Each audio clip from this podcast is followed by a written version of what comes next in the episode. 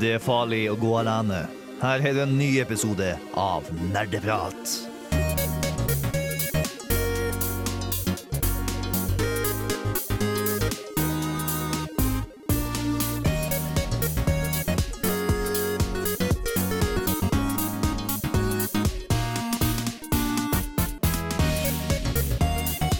Hallo og velkommen tilbake til en ny episode med Nerdeprat. Um, I dag så skal vi fortsette litt toget fra forrige gang. Forrige gang så snakket vi om Metal Gear Solid. I dag skal vi snakke om Metal Gear Solids skaper, altså Hideo Koshima. Um, jeg er da Trym Konsumbi, som er programleder. Med meg i studio i dag har vi Anna? Jaran, fremdeles på lån fra Filmofil. Ja. Bård. og Steinar på teknikk. Hurra. Dette blir veldig gøy. Um, vi skal straks ha litt nerdenytt.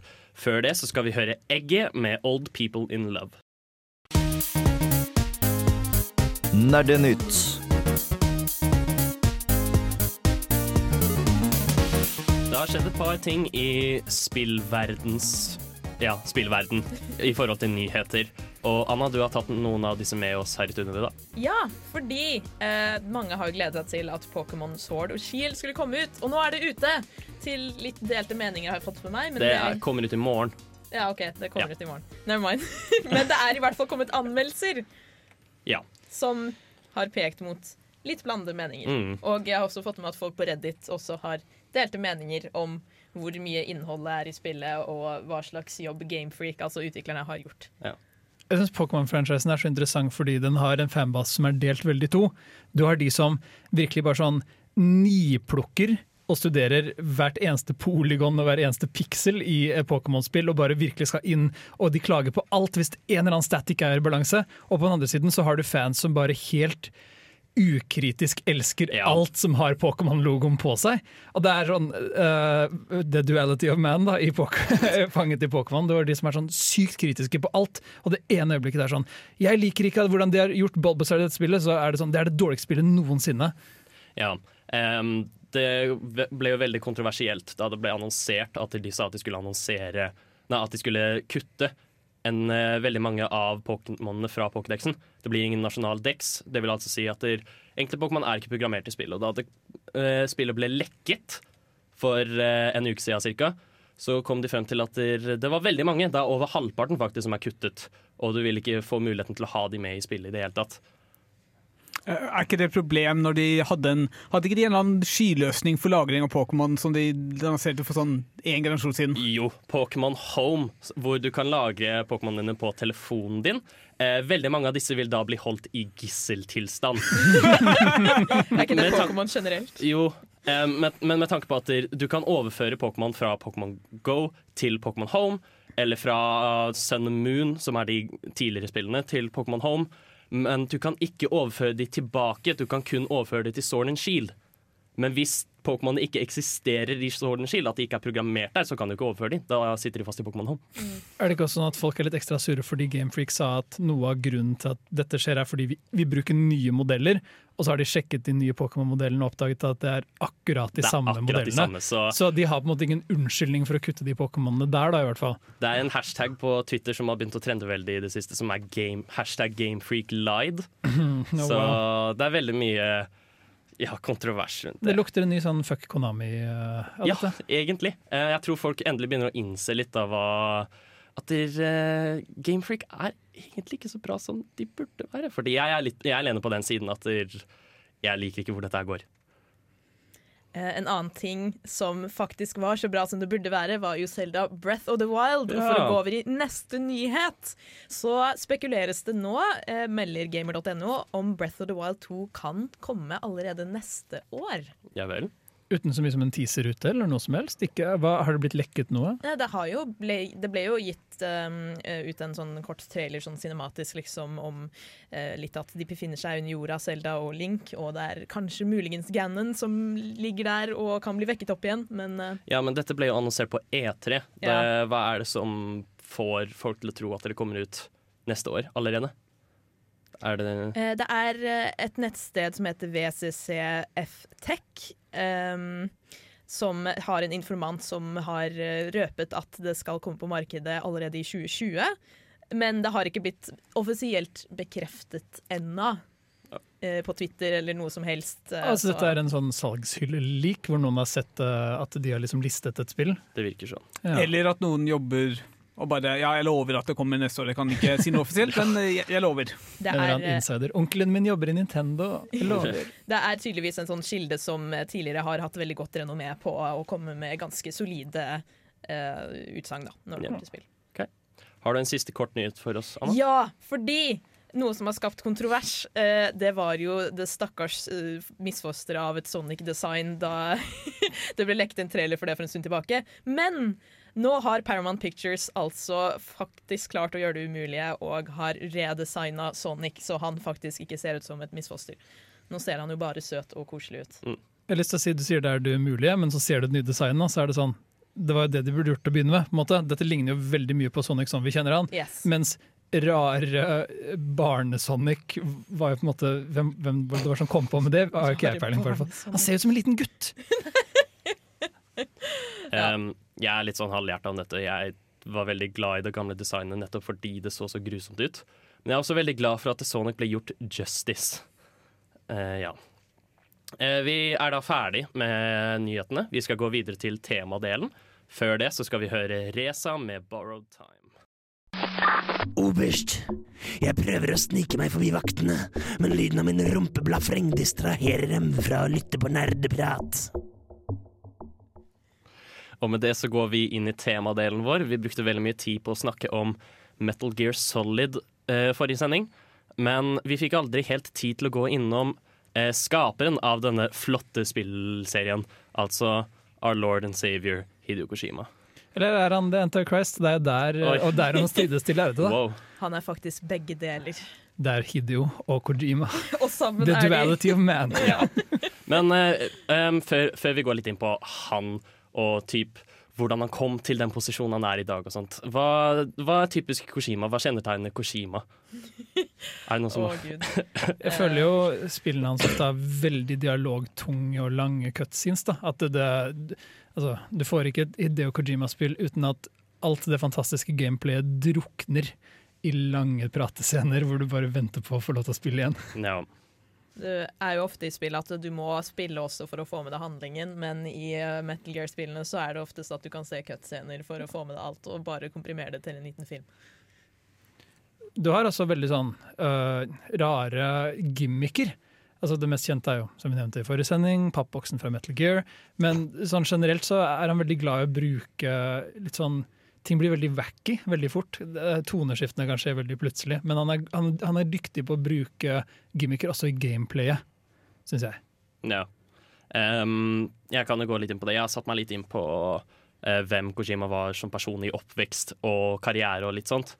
Så, og veldig mye av dette har sine grunner for at han har valgt disse her. Primært for i hvert fall det du nevnte med cuts in heavy og dialog basert og sånt. Kojima er jo en filmelsker, og han er jo det. Um, og det stammer faktisk fra foreldrene hans. Ja, for Det er jo en annen ting du kan finne i veldig mange av spillene hans. Konstante referanser til populærkultur og Ja. filmer. Pratet litt om det forrige gang, men vi har ikke nevnt en spillserie som heter Zone of the Enders. Så hvor alle mekka-designene i hovedsak er Evangelion-designs. Ja. Um, for, som jeg sa, eh, det stammer fra foreldrene hans, altså hans passion for film. Eh, hvor uh, det var gjerne tradisjon i familiehuset deres, da, hvor de skulle sitte oppe og bare se film sammen. Og han, Kojima fikk veldig ofte ikke lov til å legge seg før de hadde sett ferdig filmen.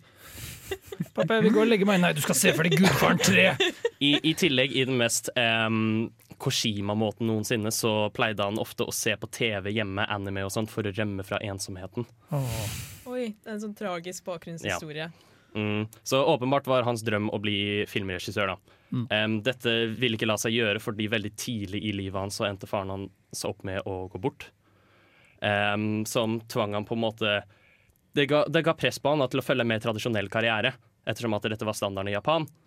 Og da, det klaftet ikke helt med hans visjon om å bli filskaper, men Så han, han ga, begynte å studere datateknologi, da. han begynte å studere økonomi, faktisk. Ja vel, ja. Men han ga heller aldri opp på sine kreative drømmer, så hele denne tiden her så skrev han romaner som forhåpentligvis kunne adapter, adapteres til film. Um, det fungerte ikke helt. Uh, underveis også, mens han var i college og sånt, så spilte han masse, masse dataspill. Var, og så var det ett spill som fikk han til å åpne øynene. Super Mario Bros. Dette fikk han til å innse at der, eh, film og spill må, er ikke nødvendigvis to separate plattformer. Jeg kan uttrykke min kreative visjon innenfor videospill også. Super Mario Bros. er jo kjent for sitt cinematiske design. Nettopp. Ja, jeg skulle akkurat til å spørre Hvordan var det spillet som åpna øynene hans? Jeg tror vi må huske hvor få på en måte, eh, spill der ute med veldig sterke visuelle, bit, altså, visuelle trekk generelt da, det var på den tiden, når han vokste opp. Ja, Det er kanskje like at det ikke er den der eh, ene Zelda-spillet som ser ut som en film. Ja. Um, ja, dette ledet han til, da, til å søke på Konami, um, som eh, Og det var fordi det var stort på aksjemarkedet, ikke nødvendigvis fordi det var noe spill han likte fra derfra. Nei, det, er, det var jo lenge før Konami skulle bli et stort navn, egentlig. Eh, og han ble hånt veldig mye da, fordi han kunne jo ikke fuckings spillprogrammering i det hele tatt. Så han var jo egentlig bare dødvekt. Um, men han arbeidet skikkelig hardt, og det la de merke til. Så etter hvert så satte det han på et eh, eh, militærspill som ikke fikk eh, nok eh, fremdrift. Det høres kanskje kjent ut. Heter det tilfeldigvis eh, metallutstyr? Det gjorde det òg, vet du. Vel, ja. Um, han, han ble med på det. Spillet ble en enorm suksess. Og det var fordi hva var det? Um, det var originalt et actionspill, men Koshima ønsket å tenke kreativt. Boksen, ikke sant? Han ønsker å finne nye måter du kan spille spillet på. Um, og da begynte han å tenke på filmen Great Escape, hvor istedenfor å konfrontere fienden rett på, så prøver de å unngå dem og rømme fra dem. Som skapet Metal Gear, og nå har det jo blitt Det har vært en stor inspirasjon for den type spill. Så etter det så så de Konami potensialet hans, og da fikk han enda friere tøyler og steg i rankene, regner jeg med. Ja, egentlig. For en underdog-story Ja. uh, Kojima har hatt. Det visste jeg ikke, men det er kjempespennende. Det er også veldig gøy å tenke på da, at han nå er liksom et av de mest anerkjente navnene Mm. i, innenfor videospill. Men det bør jo nevnes at det er hans kreative måte, uh, Hva skal vi kalle det? De, de, de, det kreative han bringer til bordet, som gjør han kjent, da. kanskje mer enn noe annet. Så det har jo på en måte alltid vært der. da. Ja. Em, som en kjapp og veldig gøy ting jeg vil nevne, er at moren hans har spilt alle spillene han lagde, selv om det tok mange år å fullføre. Fordi hun var veldig glad. Tenk når hun spilte liksom Metal Gear Solid 5 og så Quiet og var litt sånn min, min. sønn. Ja, min sønn. Ja. Vi skal fortsette å snakke litt mer om Koshima. Før det så skal vi høre Tuva Band med Genuine. Nå skal vi gå litt videre. Vi skal hoppe frem i tid, fordi nå har vi gått gjennom alt det som har skjedd før Metal Gear. Det som gjorde at han ble stor, og det som gjorde at han ble med i Konami. Men det har jo skjedd litt ting mellom Koshima og Konami. Litt sånn Ja, for En periode så var han jo deres top man. Altså, han var ansvarlig for så sykt mange prosjekter. De skulle lage et nytt Silent Hill, så han var ansvarlig for det. Ja. De skulle lage Metal Gear, det var det største satsingen, han var ansvarlig for det. Og så skjedde det noe. Det, som gjorde at folk ble så utrolig knust da eh, Konami og Kojima gikk fra hverandre, det var jo dette prosjektet PT. Det var i hvert fall teaseren, da, som sto for Playable Teaser. Det var et skrekkspill, tydeligvis, hvor du gikk gjennom en gang i et hus, og så gikk du inn i en dør, og så var det samme gangen igjen og igjen, og så skjedde det mye ekkelt og merkelig, og det hadde skikkelig potensial til å bli et fantastisk skrekkspill, og så så du at åh, shit, det her er en sånn liten teaser til Silent Hills. Men så Kojima, hva var det? Jeg skulle bare kaste inn Kojima og Konami hadde egentlig planlagt at folk skulle spille dette i sånn en uke. Ja, for, for de fant ut hva greia var. Ja. Fordi spillet måtte løses ved hjelp av liksom, å gå på nettforumer, basically. Ja, det var sånn ulike språk der du måtte lese. Var det ikke sånn meldinger som dukket opp på kinesisk, eller noe sånt, Ja. og så måtte du tyde det, og så var det at du måtte ta så og så mange skritt og stoppe og høre om det kom en lyd, og så Ja, det var veldig bisart og veldig Kojima-aktig. Ja. Mm. Men eh, så det Jeg har fremdeles ikke helt skjønt hva som har skjedd. Jeg vet ikke om noen har skjønt hva som har skjedd, om det har blitt uh, offentlig Dette eller er jo den japanske businesssektoren, så det å, det å gå ut med så veldig mye om det, altså det som skjer internt i et selskap, det er ikke vanlig på noen Ja. måte. Så veldig mye av det man vet, har vært gjennom forskjellige lekkasjer, og også der er man veldig god på tette. Uh, men det som offisielt skjedde, er jo at Kojima valgte å forlate Konami Mm. og signerte en avtale. Ja, men han var jo visepresident der en periode før dette. Mm. Så han, det, og det var jo midt under Metal Gear-utviklingen, så det virker som en veldig rar tid å forlate eh, selskapet på. Og han har heller aldri kunnet prate ordentlig om det offentlige, men han har virket bitter, og vennene hans har virket bitre på hans vegne. Ja. Det var jo Var det ikke en av grunnene til at uh, Metal Gear Solid 5 fikk en litt sånn half-assed eh, slutt? At de ikke hadde tid til å utvikle det helt ferdig? Jo, det var jo Spillet fikk jo 80 millioner dollar i budsjett, så vidt jeg husker. Mm. Og det var veldig, veldig mye kutta innhold. i spillet, og det, mange tenker at det er fordi pga. kreative uenigheter. Ja, men jeg mener jo at Kojima er kjent for å gå ganske drastisk over Ja. budsjett. da. Eh, og være veldig sånn Fordi han vil være en kreativ fyr. Komme, finne på nye ting. La oss gjøre dette fra bunnen av en siste gang på nytt, liksom. Det som gjorde meg ekstra frustrert etter å ha sett den splittelsen, var at eh, Konami eh, De wasta jo resten av Metal Gear-franchisen ved å lage et sånt zombie-hybridspill etterpå. Men Ja, det de gikk inn for, var å remake eh, Er det Metal Gear Solid 4? Snake Eater nummer ja. Snake Eater nummer 3 ja. Cutscener derfra til en sånn derre spillemaskin. En Pachinko gambling-maskin. Så på den kan du se fantastisk gjenlagde Mm. cutscener i HD og alt sånt, men ikke, du kan ikke spille det på noen som helst annen måte. Å gud. Ja. Så dette har jo skapt masse kontroverser underveis i utviklingen og prosessen av Koshima som forlat, forlot Konami, så Det resulterte jo i den fuck Konami-hashtagen, som jeg Ja. føler er sånn, det er en de, de mest sånn grove og vulgære hashtagene jeg har vært borti noensinne, rettet mot et selskap. Det var så Mm. utrolig ekstremt, men eh, det sinnet fra fanbasen var veldig sterkt, i hvert fall. ja. Mm. Men det det ledet til, var jo at Kojima fikk frie tøyler, fordi han er jo en kreativ sjel og hadde mye, mye makt, holdt jeg på å si, fortsatt. Så han lagde sitt eget selskap og lagde sitt eget prosjekt, og det fører jo til Death Stranding. som vi skal snakke mer om om litt. Ja. Um, jeg vil også bare kaste inn at det bare for å igjen påpeker Konami som den store skurken her. De begynte jo å fjerne Koshima sitt navn fra eh, spillene og boksarten og, og sånt, i tillegg til at de nekta han avgang å komme på Game Awards 2015. ja. Og de jeg hata nå. Som nevnt før låt, så skulle vi snakke litt om Death Stranding, og det skal vi nå, faktisk. Fordi Anna har nemlig anmeldt Death Stranding, og den skal vi høre nå. Once there was an explosion, a bang which gave birth to time and space. Once there was an explosion, a bang which set a planet spinning in that space. Once there was an explosion, a bang which gave rise to life as we know it. And then came the next explosion. Vi befinner oss i et postapokalyptisk USA hvor en hendelse kalt The Death Stranding førte til massedød, hvor det som gjenstår av samfunnet er fragmentert og på randen til kollaps. Midt i dette styrer du Sam, en inneslutta og taus kar spilt av Norman Reedus, som jobber som en porter. Denne fancy tittelen betyr egentlig bare at Sam er den postapokalyptiske versjonen av vareleverandør til fots. Han har nemlig en ganske sjelden kraft kalt Dooms, som gjør han i stand til å sanse usynlige monstre kalt BT-er, som ellers kun ses som svarte håndavtrykk når du beveger seg nær deg. BT-er dukker opp som timefall, et regnvær som elder alt det berører, og som i seg selv er livsfarlig å være for lenge i. Hvis BT-er får tak i mennesker, skaper de også enorme eksplosjoner som ødelegger alt i mils omkrets. Men Sam er bedre rusta enn de fleste til å gjøre oppdrag gjennom den farefylte ødemarken, og blir dermed innkalt til et helt spesielt oppdrag. Å krysse landet fra øst til vestkyst for å knytte byer og mennesker sammen igjen. Kommunikasjon, eller mangelen på kommunikasjon, og knytte bånd med andre mennesker, er et tema som blir hamret ganske ettertrykkelig inn gjennom spillet. Sam, we want you to go west and finish what Emily started.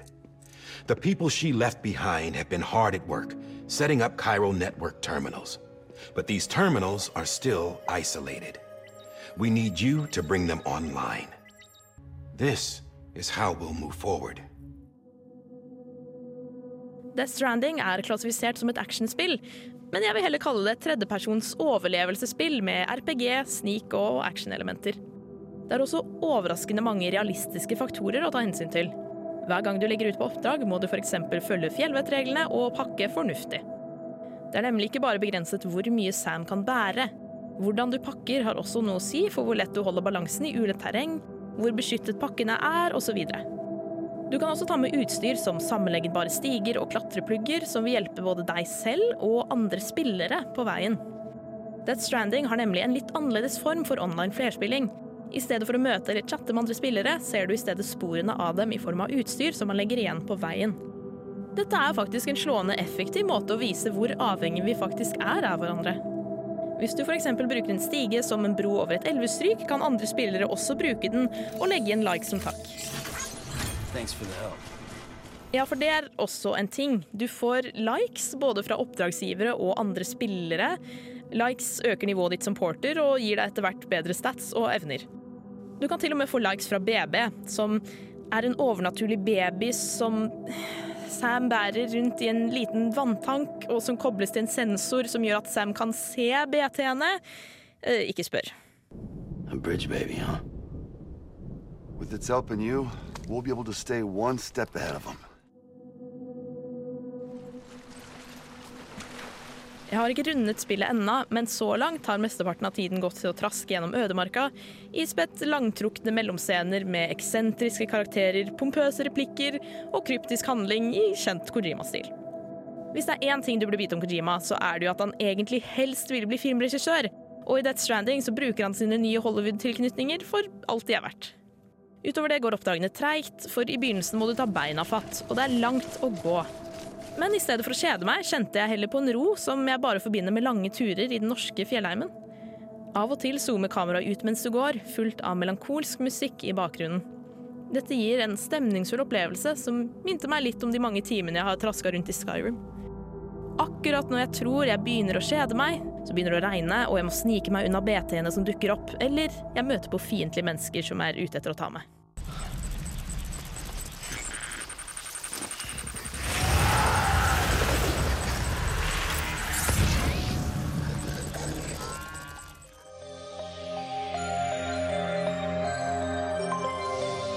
Når det skal sies, så er Death Stranding en ganske sær opplevelse. Det er litt som sakte-TV. Noen vil elske det, andre vil ikke se poenget i det hele tatt og kjede vettet av seg. Ja, ok, Egentlig føles det hele til tider med som et ambisiøst filmprosjekt, med spilling ved siden av og virkelig skamløs produktplassering. Dette er jo noe av sjarmen for de som er kjent med Kojima fra før, men for 600 kroner pluss tror jeg at mange kan føle seg litt snytt. Death Stranding hadde mye å leve opp til etter årevis med spekulasjoner rundt det, og møter nok ikke alles forventninger, dessverre. Det leverer egentlig ikke noe banebrytende i og for seg, men totalopplevelsen er ganske unik, både på godt og vondt. Kojima har nok en gang gjort sin egen greie, og jeg ville ikke hatt det på noen annen måte. That's what we need right now. Not to stand apart, but to come together. I'll show you the real thing soon. I promise.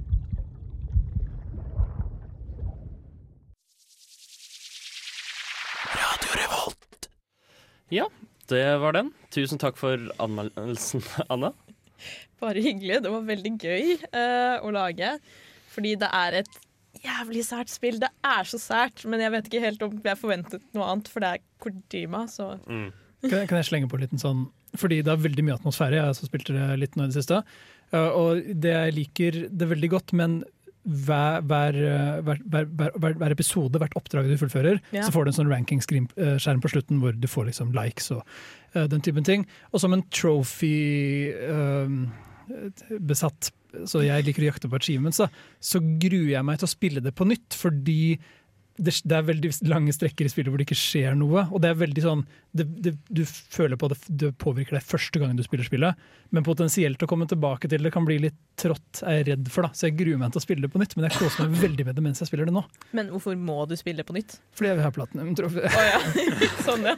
Men da er det jo masse andre spillere som har hjulpet deg i mellomtiden, så da er det plutselig en ny stige eller en ny klatretau eller noe sånt du kan bruke. Ja, det er lov å håpe, men det er ikke selve problemløsningen i spillet. er jeg ikke så interessert i Det er mer de lange bitene hvor du Ja, bare går. jeg, jeg vet. Eh, Det, problemløsningen er alltid gøy. Og så skal det sies at det her var en litt sånn ufullstendig anmeldelse, for jeg har jo ikke spilt gjennom hele spillet, og det blir jo litt mer actionfylt etter hvert. Du kan få våpen, og du kan få en motorsykkel som gjør det litt lettere å frakte disse hersens pakkene rundt omkring. Så det går litt fortere etter hvert. Eh, Men så langt har jo jeg bare gått for det meste rundt i fjellheimen. Ja. Um, jeg tenker jeg bare kan kaste på at uh, Death Stranding har jo lenge vært et veldig notorisk spill. Oh, ja. Med tanke på at det helt siden det ble annonsert, og egentlig fram til det kom ut, så har ingen skjønt hva det er. I det hele tatt. Mm. Um, og her vil jeg også bare ta anledningen og stille deg spørsmålet Får vi noe svar?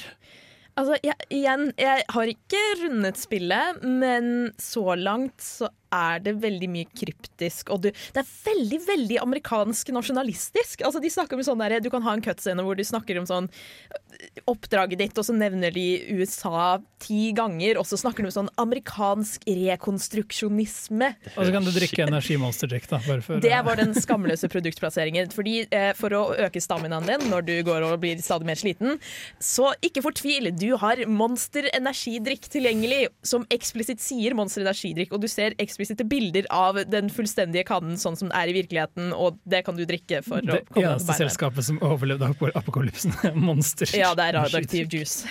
Uh, finnes det en japansk versjon også, eller er det kun engelsk uh, språk? Jeg tror du kan eh, Å, sånn tale? Jeg, Ja, tipper- jeg jeg, tipper det er en Jeg kan ikke jeg si helt sikkert, det er sikkert en dubbet versjon, men med tanke på hvor mange skuespillere han har brukt, Norman Reedus, Mats Ja. Mikkelsen Guillermo del Toro? Mm. Tommy Wirkola er visstnok med også, ifølge en eller annen nettsak jeg har lest, men jeg har ikke sett han i spillet. Å ja, okay. Norske regissøren. Uh, så virker det Jeg tror han er veldig glad i å bruke stemmene til de kjente Hollywood-skuespillerne han har fått med seg. Jeg tror Håkon har funnet og- funnet Ja. svaret. Um, her uh, ser jeg på dualshockers.com at dette ble publisert den 8. august. Eh, Death Stranding Japanese dub complete. Ja, Så det finnes. Oh, den okay. Men det er en, det- den er ikke originalt på japansk, den er dubba til japansk. Ja, Ja. fordi eh, som sagt, Kojima har jo nå fått kontakter med Hollywood-folk, og det er jo det han alltid har villet, og nå har han full makt, og han har bare lagd noe som Jeg nevnte at det føles noen ganger litt mer som en film, fordi du har sånn fem, seks, kanskje ok, jeg vet ikke, nesten ti minutter lange spillescener mellom faktiske spilleseksjoner. Og det pågår og det pågår, og det blir litt langtrukket i lengden. Sånn, du sitter her og prater på det pauserommet ditt med en fyr som forteller om denne babyen din, og hvordan den fungerer, og at den egentlig er Nei, OK, jeg skal ikke spoile det. Uh, men det, det er mye sært her. Det er mye sært her. Um, jeg, jeg merket også at du nevnte dette med multiplayer-aspektet. Ja. Og at du har stats, og at de blir bedre hvis de får likes av andre spillere. Ja, fordi altså, når du bruker utstyr som andre har lagt igjen, f.eks. En, en sånn bro lagd av en stige, da, så passiv like er tydeligvis en ting som den andre spilleren som har lagt ut, får. Men du kan også trykke på den uh, uh, paden på PlayStation. Uh, touchbaren. Ja, touchbaren. Takk. Husker du hvordan Takk, i Dark Souls så kunne uh, meldingene du la igjen, hvis noen Ja, ja. har praiset de, så ville du få en liten health boost? Ah, Eh, en liten, Det Ja. fungerer litt på samme måte, Ah, OK.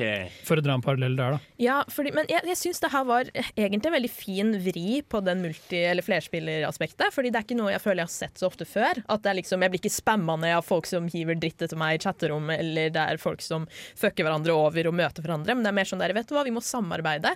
Jeg legger ut dette her bare av altruistiske årsaker, egentlig. Og det spiller veldig mye på det temaet om at og du må ha forbindelser og bånd til andre mennesker. da. Men muligheten for ekte co-op hadde vært veldig gøy, da. Det har jeg tenkt litt på av og og ja, til. hvis det kommer til PC, så, så jeg Mm. vet ikke, kanskje de klarer å modde det eller noe sånt. Det hadde vært veldig gøy. Men det er sært nok i seg selv. Det føles nesten ut som det er mange mods, sære ting i spillet fra før av. Fordi du har eksempel sånn at du kan OK, vi kan snakke mer om sære ting etterpå, men eh, Finnes ikke til PC allerede? Nei, Nei. det kommer i 2020 Okay. av uvisste årsaker. Greit. Kanskje fordi det er Sony-involvert produksjon. Ja, helt sikkert. Også bare fordi de er et lite dev-team som sikkert har valgt å fokusere på å jobbe på PlayStation-konsollen, og så må de nå porte det over. Ja. Det tar litt tid. Kojima Productions har jo spesifikt en avtale med Sony Computer Entertainment for å lage Death Stranding. Ja, ja. Så derfor vil det ikke komme til PC før året etter. Ja. Så ja, Anna tisa litt. Grann. Vi skal gå innom litt de rarere, sære aspektene av Death Stranding. Tror du det blir sære, faktisk? Før det så skal vi høre Michael Kiwanuka med 'Rolling'. Vi er tilbake, og vi skal fortsette praten om Death Stranding. Og vi skal ta det opp med Bård, som hadde en liten interessant fakta om salgstallene. Ja, eh, jeg var på Redd i dag, som jeg vanligvis er, og der var det en post som sa noe om salgstallene. Og det som er veldig interessant, er at det er den største nye IP-en som er solgt i Japan siden eh, Dark Souls 1, tror jeg, eller noe sånt. Oi. Men det er også den dårligste eh, Kojima-lanseringen noensinne. Men det er vel verdt å nevne at uh, Death Stranding kom ut på fredag? Når var det det slapp? Lørdag? 8. september. Eh, Nei, ikke 8. september. var- november. Nei, det, November. Gud, Det var forrige mener fredag. 8. Ja, forrige fredag. Så med tanke på at det er den Altså at allerede har solgt så mye Nei, i men Japan. det da. er, det her er lanseringsdag. Ja, liksom. okay, basert på lanseringsdag. salg. Men det er litt rart, for det har vært så, uh, så forventa. Det har jo blitt, fått kultstatus før det kom ut, liksom. Jo, men Metal Gear Solid 5 var jo enda mer forventet enn dette.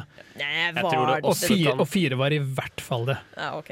Så jeg, tror, jeg skjønner at det ikke er den best, mest velmottatte Kojima-lanseringen noensinne, men at det er så godt mottatt i vår generasjon, er imponerende. Nei, men som sagt, det er, en dårlig, det er den som har solgt dårligst av alle Kojima-lanseringene noensinne. men fordi det er ny IP, så har den gjort veldig bra. Og IP betyr intellectual property, så det Ja, vil si sånn stemmer. ny, ny uh, Dette er ikke basert det? på noe annet. Et nytt Ja, univers. ja. Mm. Jeg tror det også bare kan ha noe med at spillet umiddelbart fikk ganske dårlige anmeldelser. Det fikk veldig blandede anmeldelser, i hvert fall. Det er faktisk, Jeg fant en sak på det på Game Reactor, eh, som eh, Kojima uttalte at han tror at Death Stranding fikk mer kritikk i USA, siden der er de mer fan av sånne skytespill og sånn, og Death Stranding handler mer om forbindelser, ikke bare om blind vold. Og Det er derfor USA ikke skjønner det. Det spillet de ikke klarte å toppe på salgslisten i USA, var jo tilfeldigvis Modern Warfare. Da, Ja. så ja, rart den kontrasten der. det, det kan jo hende han er inne på noe, i hvert fall. Men jeg syns det er litt merkelig å kritisere USA når liksom spillet hans er plassert i USA og liksom skal være amerikansk. Og mye sånn- nostalgi og Ikke nasjonalistisk og sånt. kritiser Kojimas tankegang her nå. Hvordan våger du, vår store Unnskyld, frelser? Kojima. Er ikke lov. Jeg vet du hører på oss. Eh, Jeg fant en annen eh, fun fact om at selv om eh, Death Stranding ikke toppa salgslisten, i hvert fall, så har Hideo Kojima han har fått en Guinness-rekord. Fordi nå er han faktisk den mest fulgte spilldirektøren på Twitter og Instagram. Så ta den, uh, Call er, of Duty eller Det er noe å henge på veggen sin. Jeg har blitt- sykt mange Twitter-følgere! Han har blitt for mektig. Ja, men han er jo jævlig populær på Twitter. Da. Sånn, hvis han poster noe der, så bare oh my god, Kojima. Han, altså, han, han skriver jo poster japansk selv, så er det noen andre som oversetter og poster til han engelske Twitter-account. Ja. Og Den anbefaler jeg å følge, for den er full av masse sånn søte filmanbefalinger og ting han har kjøpt som er leker og sånn. Jeg tror noe av det søteste jeg har sett var sånn For han er tydeligvis en veldig stor fan av Mats Mikkelsen, som er i Death Ja. Stranding. At han poster liksom 'Her er Mats, og her spiser jeg med Mats', og liksom Mats, Mats, Mats. Det er Det er masse søte bilder av de to sammen. Det er helt riktig. Ja, Mats Mikkelsen. Jeg forstår jo det. Mats Mikkelsen er jo skjønn. han er Fantastisk. Han er flott, ja. Um, uansett, nå um, Det vi skulle gjøre, var å snakke om uh, de mer sære, absurde aspektene av oh, Death Stranding. Du går rundt med en baby i en tank, ferdig snakket. Um, du kan også Er det ikke sånn at du kan uh, bare gå ta og urinere litt for å redusere stress? Oh my god, eh, Jeg vet ikke for å redusere stress, for jeg har ikke helt skjønt det aspektet. Men ja, en av mekanikkene, for du har sånn utstyrsmeny, minimeny, og der du liksom enten kan hente fram stigene eller andre utstyret, og en av de er også sånn Ja, nå kan du gå på do her. Og ikke bare kan du liksom tisse på ting, men når der du tisser, så dukker det opp en liten sopp. Som jeg ikke helt har skjønt funksjonen av ennå. Har sånn har, har du prøvd å plukke og spise den? Nei. Eh, Det er en sånn liten fluesopp, og jeg vet ikke helt funksjonen ennå, men det er bare en av de sære tingene. Siden vi først snakker om penisen til hovedkarakteren. Um, hvis du beveger kameraet og ser på penisen hans, så blir han Ja, flau. altså, Og hvis du gjør det han- mange nok ganger, så slår han til kameraet! Nei, det er jo kjempesøtt! Eh, det, det må sies at, at det er ikke mens han er naken eller noe, fordi det er en dusj på det pauserommet som du ofte er i mellom, eh, mellom oppdrag og sånn, men der er det jo litt sånn sensurert, sånn som i Simstil, at du får litt sånn glassmosaikk mellom, holdt jeg på å si. Men når han sitter liksom litt sånn mansplaining-mode på senga si og le- lener seg, og du kan titte kameraet litt mot, eh, mot det området, så først så viser han fingeren, og så, hvis du ikke slutter, da slår han til kamera. Det er jo kjempemorsomt. Ja, ikke sant? Det er jo sånne ting som gjør spill store. Kordima har jo skjønt Ja, men det er de små gimmickene og easter eggsene som man kan finne Herregud, jeg har ikke fått tid til å utforske så mye Death Stranding, men det må jo være en hel haug av de der. Mhm. Uten tvil. Mer enn bare Monster energidrikk og rare babyer. Du har også, eh, fordi Kojima er jo veldig glad i sære, merkelige navn fra før av. Så noen av navnene som du møter på i Death Stranding, for å ta en annen fun fact, det er jo for eksempel ja, ok, Du har karakterer som har vanlige navn, som Cliff og sånn. Så har du eh, Fragile, som er en kvinne du møter på veldig tidlig. Eh, Deadman, som er spilt av Del Toro. Die Hard Eh, og så, ja, Det er vel kanskje de særeste navnene der. For an- ellers har du karakterer som heter Higgs og Emily. Og det er jo Spilte dere spennende. eh, Peace Walker, der den uh, en av skurkene het Hot Cold Man? Oh my god, oh, det hadde jeg helt glemt. Det er jo helt fantastisk. Det er jo litt i samme stil. Die Hard Man. Jeg lurer på hvilken actionfilm Kojima prøver å referere til der. Die Hard Man. Tenk litt på den, altså. Uh, en annen ting apropos den babyen, altså Bridge Baby. Fordi selskapet som jeg jobber for heter Bridge, Mm. som i by bygger broer. ikke sant? Det er veldig symbolsk. Den heter Bridge Baby. Ja, derav BB. Og BB, ja, ja. Ikke Big Boss, eh, men eh, BB. Eh, den er tydeligvis eh, Den funker sånn som den gjør, at du kan se de monstrene som er usynlige fordi den er født av en, en død mor. eh, en still mother, så jeg antar at det er en mor som dør under fødselen, og det betyr at den får disse evnene. Og det er bare sånn typisk Kojima plot point. Ja, hvorfor er det der inne, liksom? Ja, ja, sånn semivitenskapelig forklaring. Ja. Kojima er en sær type. Vi har snakket veldig mye om Death Stranding, men vi skal snart runde av. Før det skal vi gjøre Tuva-band med Genuine. Oh! Yeah.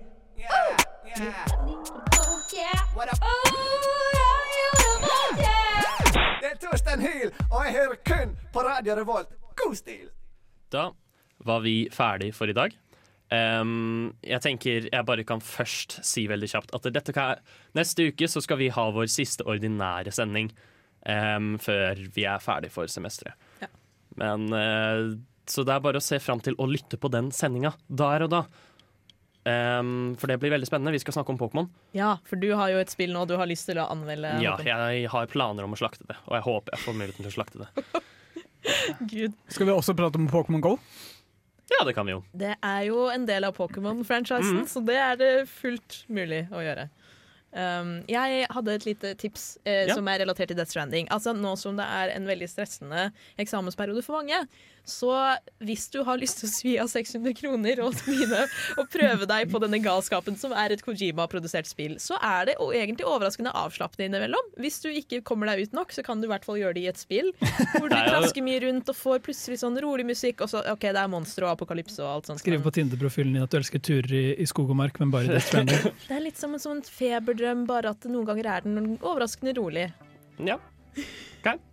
Det er bra tips. Eh, med det så tror jeg vi skal si ha det. Her får dere Tame Impala med Might Be Time. Du har lyttet til en podkast på Radio Revolt, studentradioen i Trondheim.